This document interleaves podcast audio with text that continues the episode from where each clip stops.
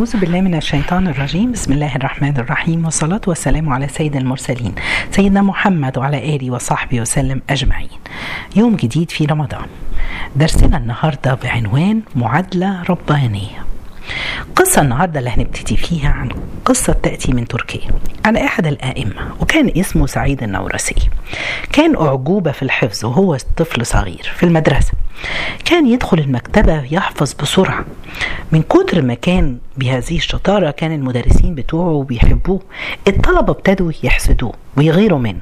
فقرروا في يوم من الأيام إن هم يجتمعوا حواليه في الفسحة وجه المدرسون ابتدوا هيضربوه.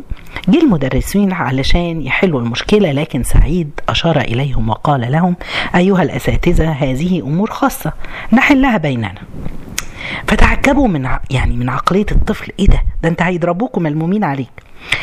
واحد من المدرسين أدرك إن إن هذا الطفل في وراه قصة تربيته محترمة. إزاي بهذا؟ وهو في السن ده. آه وعنده قوة الحفظ وعنده عقلية ركحة وحكمة في التعامل مع المواقف. فاستغرب. الأستاذ حب يعرف أكتر. إيه السر ورا تربية هذا الطفل وأسلوب تربيته؟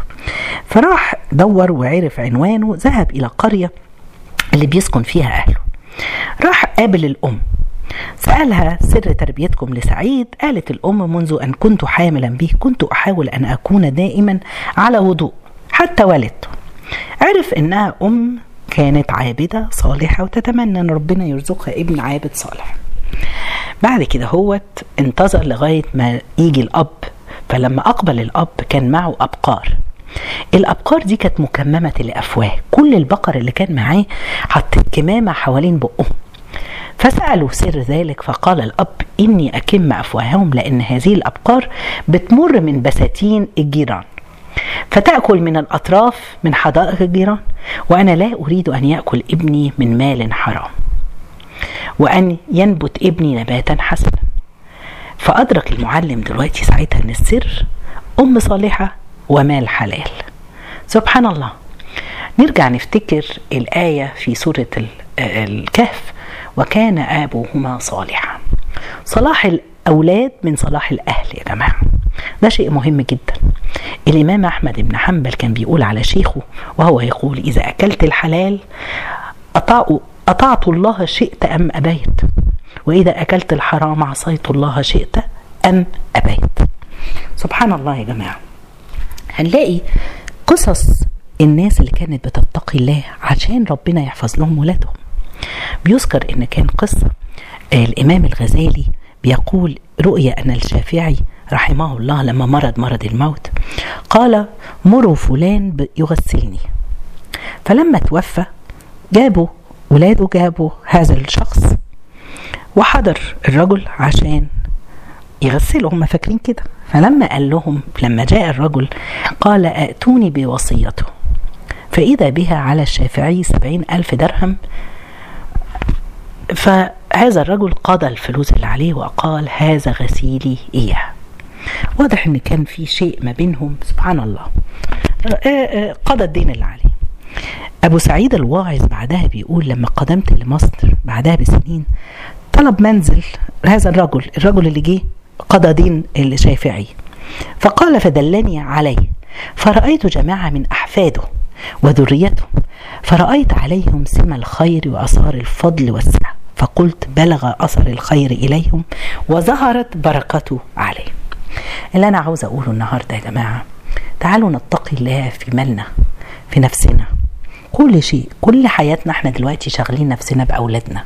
خايفين عليهم. عاوزين نوفر لهم المال الحلال المال عشان يضمنوا مستقبلهم. سبحان الله ده كله رزق. نتقي الله في حياتنا ربنا يحفظهم لنا. ونكون ممن قال عنهم الله وكان أبوهما صالحا. ويقال إنه كان الجد السابع اللي اتكلم عليه. عبد الله بن مسعود لما كان يصلي في الليل وابنه صغير نائم ينظر إليه قائلا من أجلك يا بني؟ ويتلو وهو يبكي وكان أبوهما صالحا. يا جماعة مش عاوزين إن إحنا ننسى إن إحنا عملنا في الدنيا هيقف لأولادنا. مش دايما يقول لك كده اللي بتعمليه في الدنيا هيقف لأولادك؟ دي بنقولها دايما.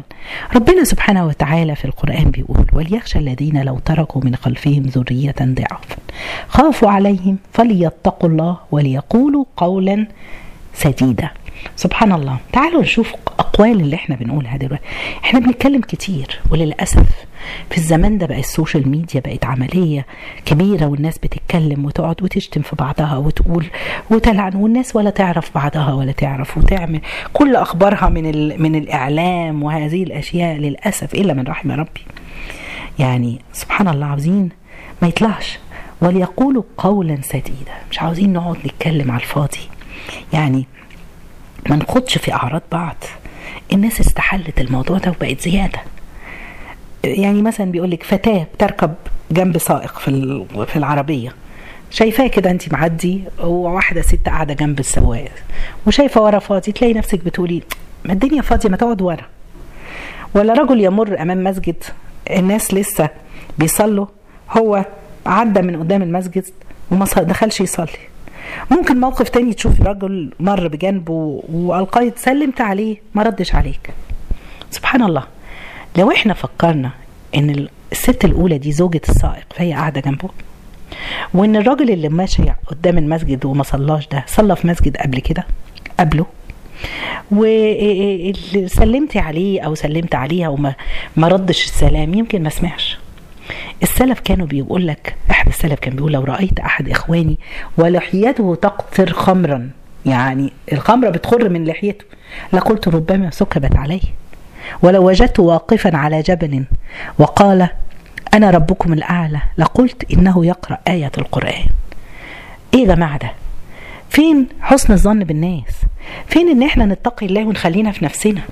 بلاش إحنا قاعدين نحكم ونوزع أحكامنا على الناس يمين وشمال. سبحان الله يعني ابن القيم بيقول الواحد يصعب عليه العبد يصعب عليه معرفة نيته في عمله. فكيف يتسلط على نوايا الناس الخلق؟ خلينا في حالنا يا جماعة. لو عايزين ربنا يصلح أولادنا افتكروا صلاح أبنائك من صلاحك أنت. عاوزين نكون ممن قال عنهم الله كان أبوهما صالحا؟ كان أبوهما صالحا خلينا إحنا يعني نبقى صالحين عشان ربنا يحملنا أولادنا من الفتن. إحنا في رمضان. تعالوا نتقي الله في كل شيء. حتى لو أنت ربنا كرمك ولقيت ولادك ورايحين معك في الصلاة ولادك صغيرين شوية وبيصوموا لا تعيب على أولاد الغير نحمد الله على اللي ربنا كرمنا بيهم. نحمد الله وندعي ربنا سبحانه وتعالى. مش عاوزين ننسى هذا الدعاء اللي دعاه سيدنا إبراهيم. رب اجعلني مقيم الصلاة ومن ذريتي وتقبل دعاء. ربنا يكرمنا جميعا في أولادنا ويحميهم. وهي معادلة ربانية. وكان أبوهما صالحا. لو انت اتقيت الله واتقيت الله في الحلال ربنا هيكرمك فيهم. اتقيت الله في معاملتك مع الناس ربنا هيكرمنا فيهم ويحفظ وده أهم حاجة نسيبها لأولادنا إن إحنا نسيب لهم التقوى والصلاح. جزاكم الله خير. سبحانك اللهم بحمدك أشهد أن لا إله إلا أنت أستغفرك ونتوب إليك.